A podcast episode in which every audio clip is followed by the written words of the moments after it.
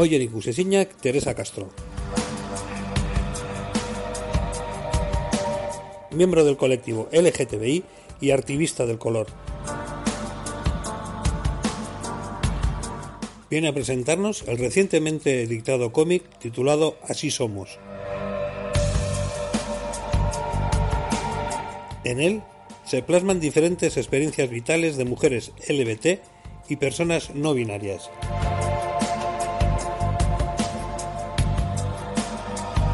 Arrachaldeón, Teresa. Arrachaldeón. Bueno, no sé si decir Arrachaldeón porque el día que No. está no, no, No acompaña. no acompaña mucho para decir estas cosas. Pues no nos veíamos desde el 2021, pero yo en redes sí que te he visto que has estado activa, para arriba y para abajo, continuamente estos años. ¿Qué, qué has estado haciendo? De todo. un resumen. Un resumen. Bueno, pues eh, he seguido con mis cómics, eh, he estado, eh, me he autoeditado algunas cosillas, que bueno, algunas cosas me gustan más, otras me gustan menos, como siempre. Pero bueno, por lo menos me he autoeditado y mm, sí que es verdad que hemos seguido con el, con el proyecto de Gay to Imigo Engañetic, con los cómics que presentan realidades de mujeres del otro lado del charco y este lado del charco LBT. Y bueno, pues no sé, es que no sé si me quieres preguntar más de concreto. Si no te quieres hacer propaganda, tú verás. Vale, no, no, sí. A ver, que bueno, eh, también este año eh, he hecho, tengo por fin mi página web, que es tecastrocomics.art, y ahí podéis ver todo lo que he hecho, porque he hecho un montón de cosas, que claro, desde el 21 hasta ahora, madre mía. Pero bueno, una de las cosas importantes que me ha pasado es que he conseguido por fin publicar un cómic con una editorial, eh, con la editorial Serendipia, eh, que bueno, ha sido una antología eh, que se titula Mil Brujas, que podéis encontrar en las, en las librerías. Y que, bueno, eh, la premisa de la- del cómic fue que la pitonisa dijo en redes, buscó, en- bueno, en redes puso que eh, se le había ocurrido que un día nos asomábamos a la ventana todo el mundo y veíamos el cielo cubierto por mil brujas. Y a partir de ahí eh, convocó a las autoras a que mm, contáramos una historia a partir de esa premisa. Entonces, bueno, yo hice una historia con mi personaje Ana y bueno, el resto de compañeras han hecho otras historias de diferente pelaje y yo creo que ha quedado un cómic muy bonito. Eh, la editorial Serendipia nos puso la confianza en este trabajo y, y la verdad es que estoy muy contenta a ver si, si vuelvo a publicar con alguna editorial en vez de autopublicarme, pero bueno. y así de otra cosa que he hecho últimamente que me, que me gusta bastante es un fanzine que he recopilado los cómics que, que han- habían recibido algún premio o alguna colaboración que había hecho para algunas, para algunas publicaciones y tal, eh, que se titula Historias mínimas. Y en ese, en ese fanzine lo que he hecho ha sido recopilar esas historias, pero que tuvieran como hilo común el- la defensa de los derechos humanos. Entonces ahí eh, pues he metido eh, historias sobre familias diversas, sobre prostitutas, eh, sobre hombres gays, que normalmente no, no dibujo a hombres, eh, es verdad. Eh, y bueno, un poco digamos que he recopilado ese tipo de historias que se quedan, o sea, ganan un premio pero no se publican. No, ¿sabes? Ganan el premio y ahí se quedan. Entonces, bueno, pues estoy bastante contenta, es lo último que, lo último que he hecho. Y bueno, lo llevaré a las ferias a las que pueda ir, así que si a alguien le interesa, pues ahí estará. Y ahora, historietas transoceánicas de mujeres LGBT y personas no binarias. Tercer cómic. Pero antes de que nos hables de este tercer cómic, da- explica un poco la historia de dónde viene todo Sí, esto. sí. Bueno, este es un, eh, en realidad son varios proyectos, porque ya estuvimos hablando, la otra vez que estuvimos hablando, ya no me acuerdo si hablamos de viñetas de tortas y bollos o del otro No. lado de viñetas, ¿no? De- de los Viñetas, viñetas, ¿De sí, la última sí. Bueno, eh, esta es una colaboración entre Gay to Mugen Gagnetic, que está englobado en un proyecto mucho más grande, que eh, pretende pues eso, la difusión y, de- y el conocimiento de las realidades de las mujeres LBT, eh, tanto que viven aquí en nuestro país como en, en Centroamérica, que es donde trabaja Mugen Gagnetic. Entonces eso, hicimos viñetas de tortas y bollos que, que recogían experiencias de mujeres lesbianas eh, eh, del otro lado de que estaba centrado en mujeres trans y este último, que es el que me has preguntado, eh, se titula Así somos y, como has dicho el subtítulo, ¿eh? como, has dicho, a ver, digo, historietas transoceánicas de mujeres LGBT y personas no binarias. El título un poco más cortito. Venga, bueno, es, es el subtítulo, porque claro, Bueno, pues aquí hemos querido dar cabida a, otras realidades, ¿no? Eh, se nos había, digamos, en los otros cómics, pues eso, eh, habíamos cubierto la L y la T, y aquí hemos incluido a la B, que creo que las personas bisexuales son unas de las personas del colectivo que menos presencia tienen en todos los sitios, ¿no? Y además cargan sobre sus hombros un montón de estereotipos negativos que, les, les, acompañan toda su vida, especialmente las mujeres bisexuales, porque parece que hombres bisexuales no hay, no sé por qué, pero parece que no. Y entonces, bueno, pues nos apetecía cubrir ese espacio y luego también eh, el tema de las personas no binarias, que que creo que también abrimos una puerta a que se conozca por parte de otras personas que desconocen estas realidades. ¿no?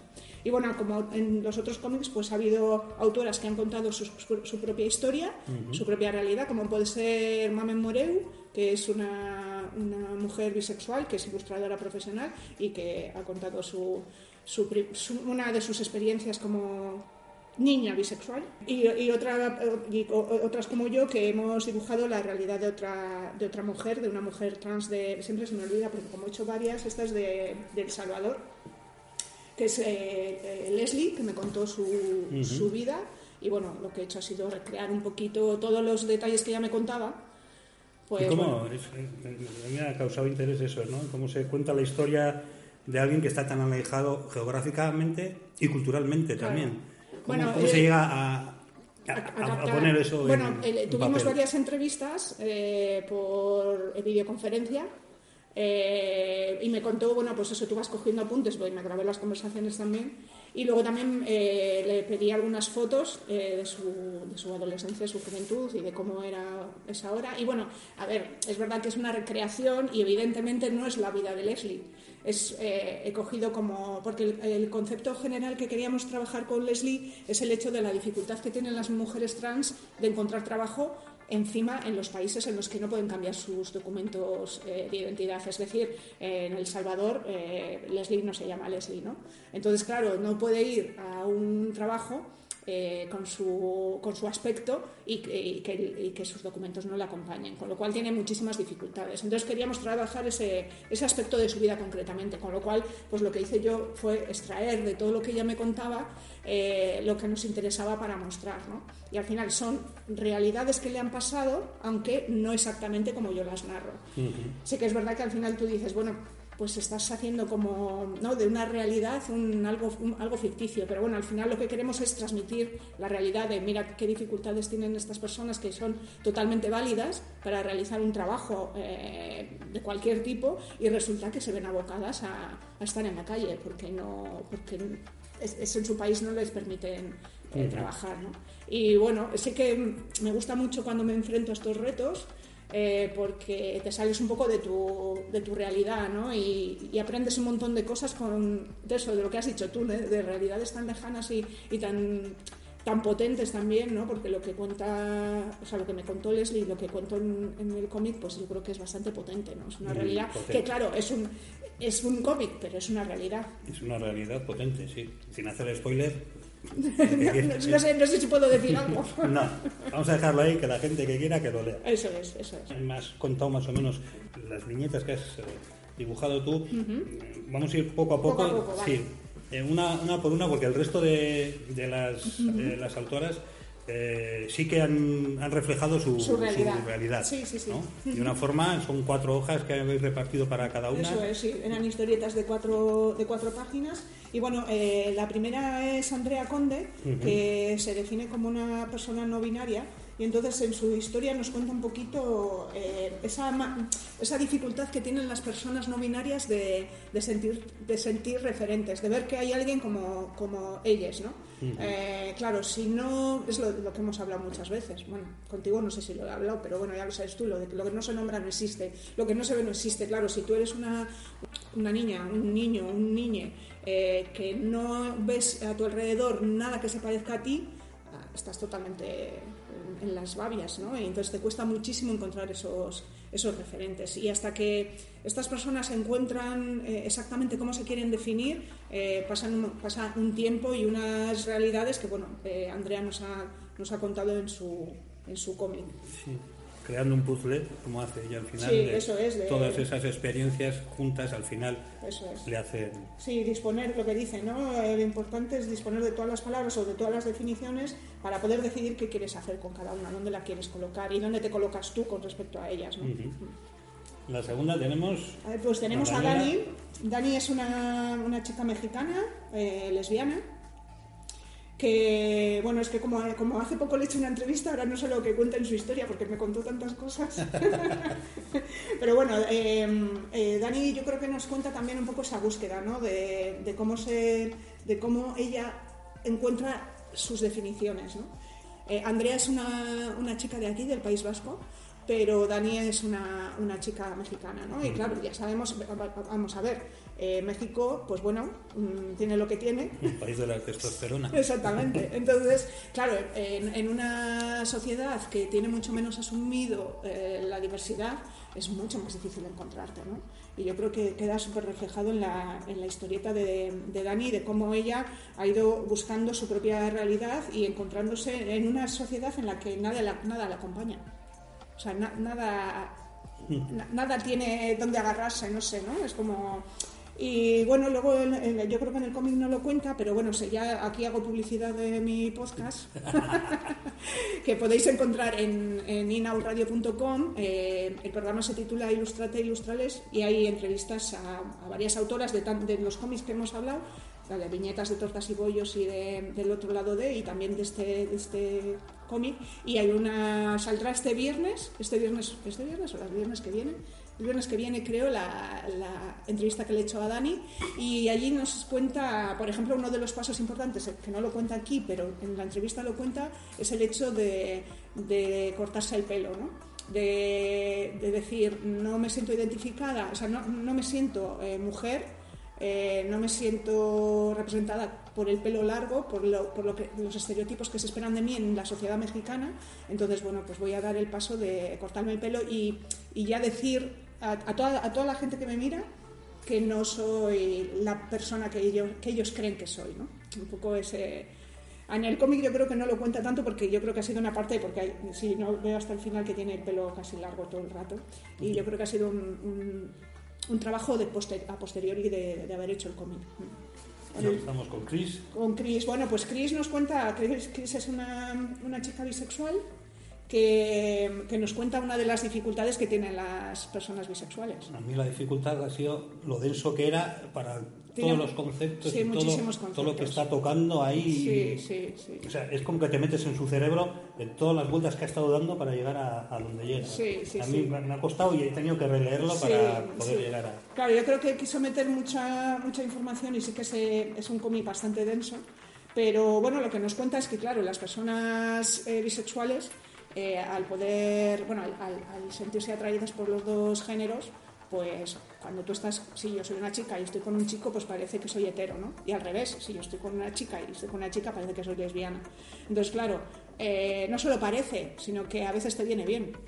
Eh, te puede venir bien pasar como hetero en ciertas circunstancias o pasar como lesbiana en ciertas circunstancias, porque las, las mujeres bisexuales tienen el, eh, ese San Benito, ¿no? De que te traicionan por el otro género, ¿no? Es decir, que si están con una chica, están echando de menos a un chico y al revés. Entonces, eh, pues eso, Chris hace todo ese análisis de, de me he disfrazado de hetero eh, toda mi vida porque me resultaba fácil, pero también al mismo tiempo me ha estado impidiendo eh, saber quién soy. Ha coartado parte de su vida. Eso ¿no? es, eso es. Mm, Sí, sí.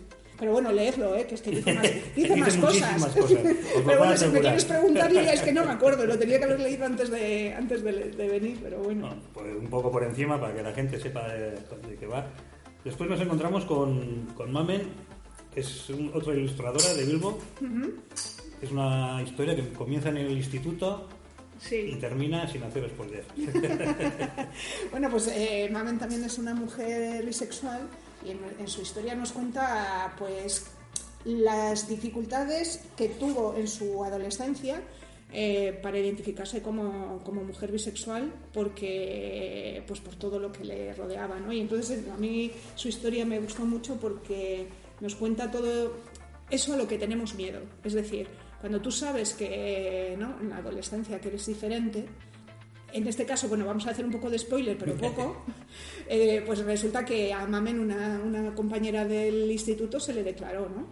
Y, y ella no supo no supo reaccionar o digamos ¿no? huyó de esa, de esa posibilidad porque es mucho más cómodo eh, evidentemente ser heterosexual que, que, ser bisexual o que ser lesbiana entonces bueno eh, ya no voy a hacer más spoiler eh, tenéis que leer la historia de Mamen pero nos cuenta eso que, que cuando pasa bueno cuando tú ya eres más mayor eres capaz de decir ostras aquello aquello fue un puntazo a mí también me gustaba esa chica.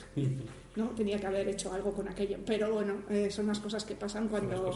Sí, cuando, y cuando no tienes referencias, porque yo creo que al final nos estamos centrando en las mujeres LBT y las personas no binarias, pero nos pasa a todo el colectivo, ¿no? Que no tienes referencias. Bueno, ahora cada vez hay más referentes, más gente que sale, que tal vez la gente que esté, las personas que estén ahora en el instituto vean a su alrededor más, más, más diversidad, ¿no? Que la que veíamos cuando estábamos tú y yo, digo yo.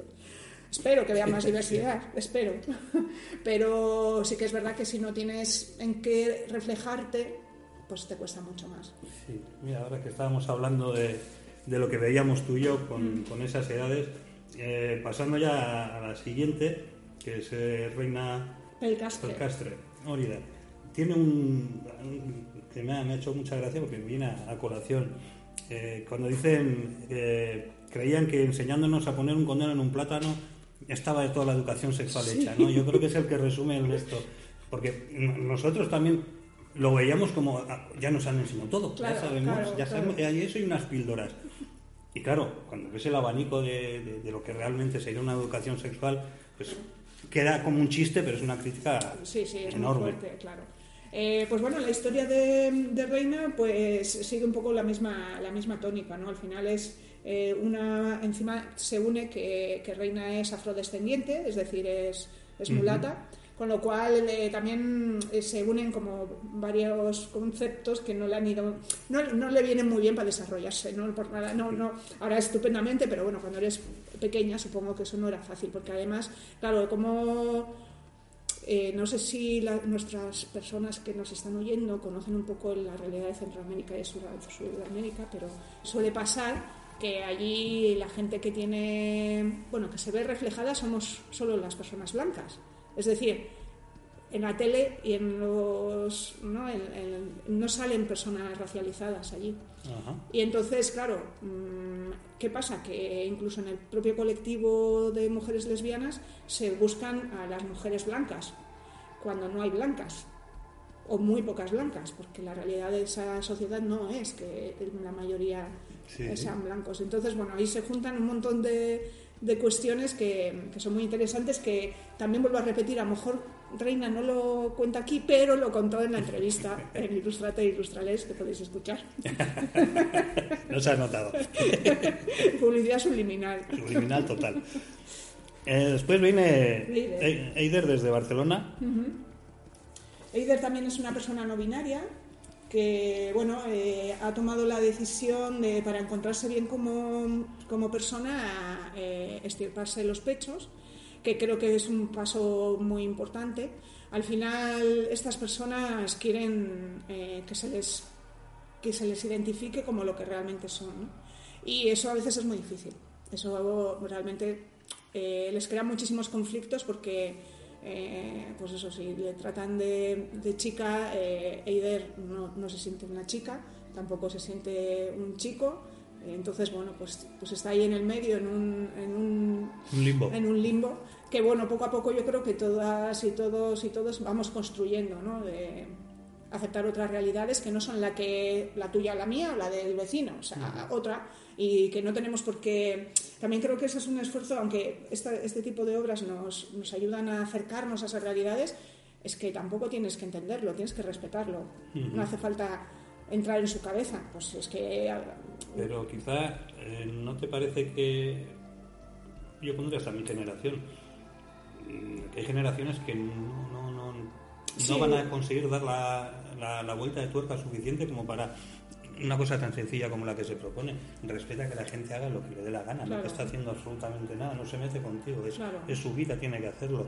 Pero yo creo que en, toda esta ensalada de ideas, de conceptos, de libertades, se, se nos han, perdido generaciones. Sí, hombre, yo creo que. Hombre, hombre desde, el, desde el plátano hasta ahora algo hemos mejorado. el condón en el plátano. Pero sí que es verdad que, claro, las generaciones anteriores a, nosotros, ¿no?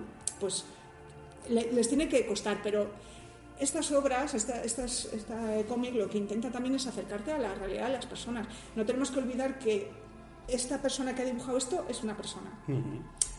Es decir, eh, la vivencia y el sufrimiento, tú cuando ves una película y te sientes totalmente identificado con el protagonista, la protagonista, es que no hace falta, o sea, ya sabes que a lo mejor no, terminas de, captar todo, pero, pero la vivencia que tiene esa persona te está llegando, ¿no? Yo creo que es lo que intentamos con estos cómics y lo que deberíamos hacer todas las personas con respecto a las realidades de otras personas. Es decir, es que no es tu realidad. Tu realidad no, no es extrapolable a todas las demás. Simplemente hay otras realidades. Que nos han enseñado a vivir en cajones. Sí, sí, sí, que es muy difícil. ¿eh? y, tendemos a juzgar, tendemos a juzgar siempre y a, intentar definir y qué es un chico, una chica, mm, no sé qué será. dentro del colectivo, en el cómic también se refleja, dentro del colectivo hay gente que se siente marginado, se siente incómodo. Sí, sí, claro. Claro, al final el también hay una cosa, un concepto bastante importante que es que porque seamos del colectivo LGTBIQ, no somos ni mejores ni peores. Es decir, tenemos las mismas taras que todo el mundo. Entonces podemos ser igual de racistas, igual de xenófobos, igual de LGTB-fobos. LGTBI sí, lo has dicho la primera. ¿He dicho la primera? Pues me parecía que no. Eh, o sea que podemos ejercer eh, las mismas, mm, los, mismos errores que han hecho sobre nosotras, lo, hacemos sobre otras partes del colectivo que no nos gustan tanto, como por ejemplo, pues eso, lo que he comentado antes de las mujeres bisexuales, ¿no? o eso, de las personas no binarias, o aquellas mujeres que no cumplen el, estereotipo que a ti te gusta, ¿no? O sea, es, es demasiado masculina. Ya, y, no sé, ¿qué, o sea, no sé, pues es ella, ella es así, ¿no?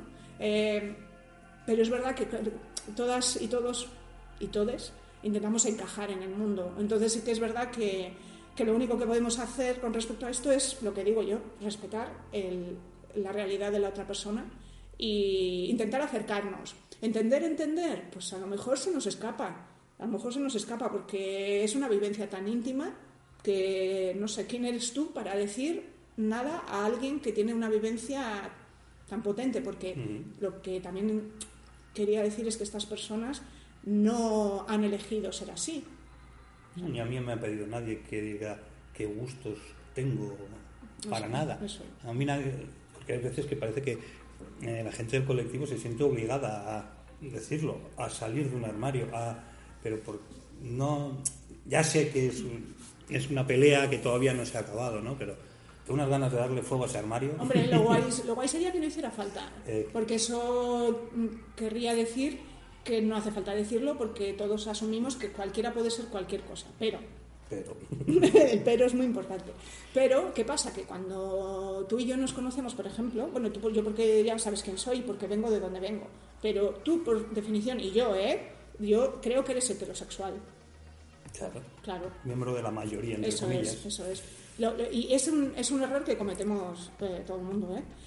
¿eh? incluso nosotras. O sea, yo también lo cometo. Es decir, cuando yo doy las charlas, mm, pues a veces digo, no, Teresa, tienes que cambiar el, el discurso porque no tienen por qué ser todos o todas heterosexuales o cishetero o ¿no? puede haber otro, tipo de personas que tú no estás teniendo en cuenta. ¿no? Lo mismo que cuando vas a dar una charla y puede haber gente que no, eh, que no ve o gente que oye con dificultad. Entonces, bueno, todo ese tipo de cosas las tenemos que tener en cuenta. Lo que me estás diciendo de que no hace falta salir del armario, pues yo te llevo la contraria, sigue haciendo mucha falta porque, porque necesitamos referentes. Desde el principio lo que hemos hablado no es como eh, si yo crezco sin referentes, si yo crezco sin, sin verme reflejada en ningún sitio, estoy totalmente perdida. Eh, como experiencia personal te puedo decir que yo he estado perdida. O sea, si te digo que hasta los 30 años, a, lo mejor hay otras personas también, ¿eh? que no han tenido las dificultades de identificarse que he tenido yo, ¿no? Pero claro, si no hay facilidades a tu alrededor, eh, se te ponen las cosas muy cuesta arriba. ¿no? Y hay gente como... Imitamos lo que queremos ser, mm, no, nos viene por ciencia infusa. Entonces, si no tienes, no tienes esas esas referencias alrededor que están visibilizadas, pues eh, pero tienes que hacer tú solo. Entonces el miedo de a todos nos asusta estar solos. Claro, sí, sí, salirnos del grupo, que nos, que nos señalen, ¿no? Al final. Entonces, bueno, el, sí que es verdad que creo que hemos avanzado con eso y ahora la gente joven tiene más referentes en la tele, eh, gente que, que, abiertamente dice que es del colectivo, pero sí que nos falta, creo que fíjate, eso está bastante conseguido, pero creo que nos falta el día a día. Es decir, que tu médico o tu, el albañil que viene o la, la señora que conduce un autobús son, pueden ser del colectivo. Y esas personas no tienen la, digamos, el estatus social, bueno, digo, he dicho eso como puedo decir cualquier cosa, pero no, se me entiende, ¿no? No tienen el estatus social que, eh, que se les porque a la gente de la tele y a la gente rica y a la gente famosa se le permite cierto estatus que tú nunca te vas a meter con, con Jesús Vázquez, porque es gay porque es Jesús Vázquez. Jo, qué majo, qué guapo, qué estupendo. Ya, pero al gay de tu vecino ya le dices maricón. Que, ¿Sabes? Al, que has llamado a casa, ¿cómo te va a poner un azulejo? Eso es, ¿cómo te va a poner? Que tendrá que ver una cosa con la otra. pero sí, sí, esos esquemas están metidos. Entonces yo creo que por eso sí que yo soy súper defensora de que tenemos que salir en, del armario en nuestra vida diaria. Hay, hay personas que no pueden hacerlo y es totalmente respetable pues, por las circunstancias pero sí que creo que, sigue siendo necesario. Y sería estupendo que no fuera necesario, pero lo es. Bueno, si para la siguiente. A ver, la siguiente ya, bueno, no hacemos cómic, ya total, ya está todo... Y nos queda la, última. Sí, esta es Lola, que también es una, es una mujer trans de Guatemala, que también eso pues cuenta... Yo creo que Lola se basa más en qué es lo que la gente espera que es, que es una mujer, ¿no? Y entonces todo lo que yo he tenido que hacer para que la gente me identifique como una mujer, que es lo que yo, lo que yo necesito. Y claro, al final ese trabajo y ese, ese camino, pues aparte de físicamente ser pues súper duro ¿no? y súper trabajoso porque cuesta mucho dinero y además te, arriesgas a, tener problemas eh, de salud al final. ¿no? Pues también eh, yo creo que mentalmente eh, conlleva muchísimo trabajo, ¿no? Y más, volvemos a repetir, en un país como Guatemala, que realmente no, sé los datos, pero evidentemente las personas trans no lo tienen nada fácil. Las mujeres trans, si no me equivoco, es uno de los países que menos que las personas trans viven menos tiempo. O sea, la media de, vida, de vida de una mujer trans puede ser 30 a 35 años y eso ya nos está diciendo qué pasa allí. Pues pasa que, que, las matan porque, son, porque se salen de la norma. ¿no? Ay, me he puesto muy seria, ¿no? Y que bueno, también creo que cuenta que hay diferentes maneras de ser mujer, que es un poco lo que lo que se... Sí, llega a una conclusión que no la vamos a contar tampoco, pero llega a una conclusión bastante curiosa, que no, no, parece que va a llegar a esa conclusión después de leído lo leído. Sí. Y, bueno, pues ya está. Estas son todas las historias que forman parte del, cómic. Eh, está disponible para descarga gratuita en la página web de Deitu. Buscáis Así Somos. No hace falta que pongáis el subtítulo tan largo. Así Somos Gaitu y, lo podéis descargar. Y también tenemos ejemplares en la, en la sede para repartir y seguramente se lleve a, los eventos a los que vaya la, la asociación. Así que bueno, ahí está. ¿Va a, va a continuar el.? La colaboración con ayuntamiento. Pues a ver qué hacemos. A ver qué hacemos. Eso es un sí. Mm, si dependiera de mí yo te diría que sí, pero no sé porque ya sabes como no es un proyecto mucho más grande, es un proyecto potente. Bueno, eso eh, también está la agencia de cooperación, en fin, no sé muy bien qué, orientación se va a seguir. Mi idea, mi, idea es seguir haciendo. Eh, pero la idea que yo tenía ahora, pero bueno, y esto puede salir o no salir. Me apetecía mucho hacer historias de gente anónima, de diversas procedencias, y hacer una comparativa de cómo han sido sus vivencias, pues a lo mejor en la infancia, en la adolescencia, en la juventud, en la edad adulta y en la... Pero así... Bueno, tenemos próxima cita, ¿no? Sí, esperemos, esperemos. O si no, aunque no sea este proyecto, de mis cosas también podemos hablar, pero bueno. Sin ningún problema. Pues encantado de que hayas vuelto. Eh, suerte con tus proyectos y hasta la siguiente. Pues eso, muchas gracias por invitarme a hablar y, nada, que, a ver, voy a hacer publicidad de todo el mundo, venga. La primera, yo, eh, en Instagram, Castro Comics, en Twitter, en Facebook, Castro Comics. Mi página web, tcastrocomics.art. Eh, la página web de Gaitu, gaitu.org. La página web de Mugen Ganetic, Mugen Ganetic, en euskera.org. Y la página web de la radio, inauradio.com. Y mi programa Ilustrate Ilustrales, aunque os recomiendo escuchar todos los programas de todas mis compañeras que tenemos contenidos súper interesantes de series, eh, pelis, eh, libros, eh, todo con contenido LBT, mujeres sáficas, así que os esperamos por allí. Venga, pues. Agur.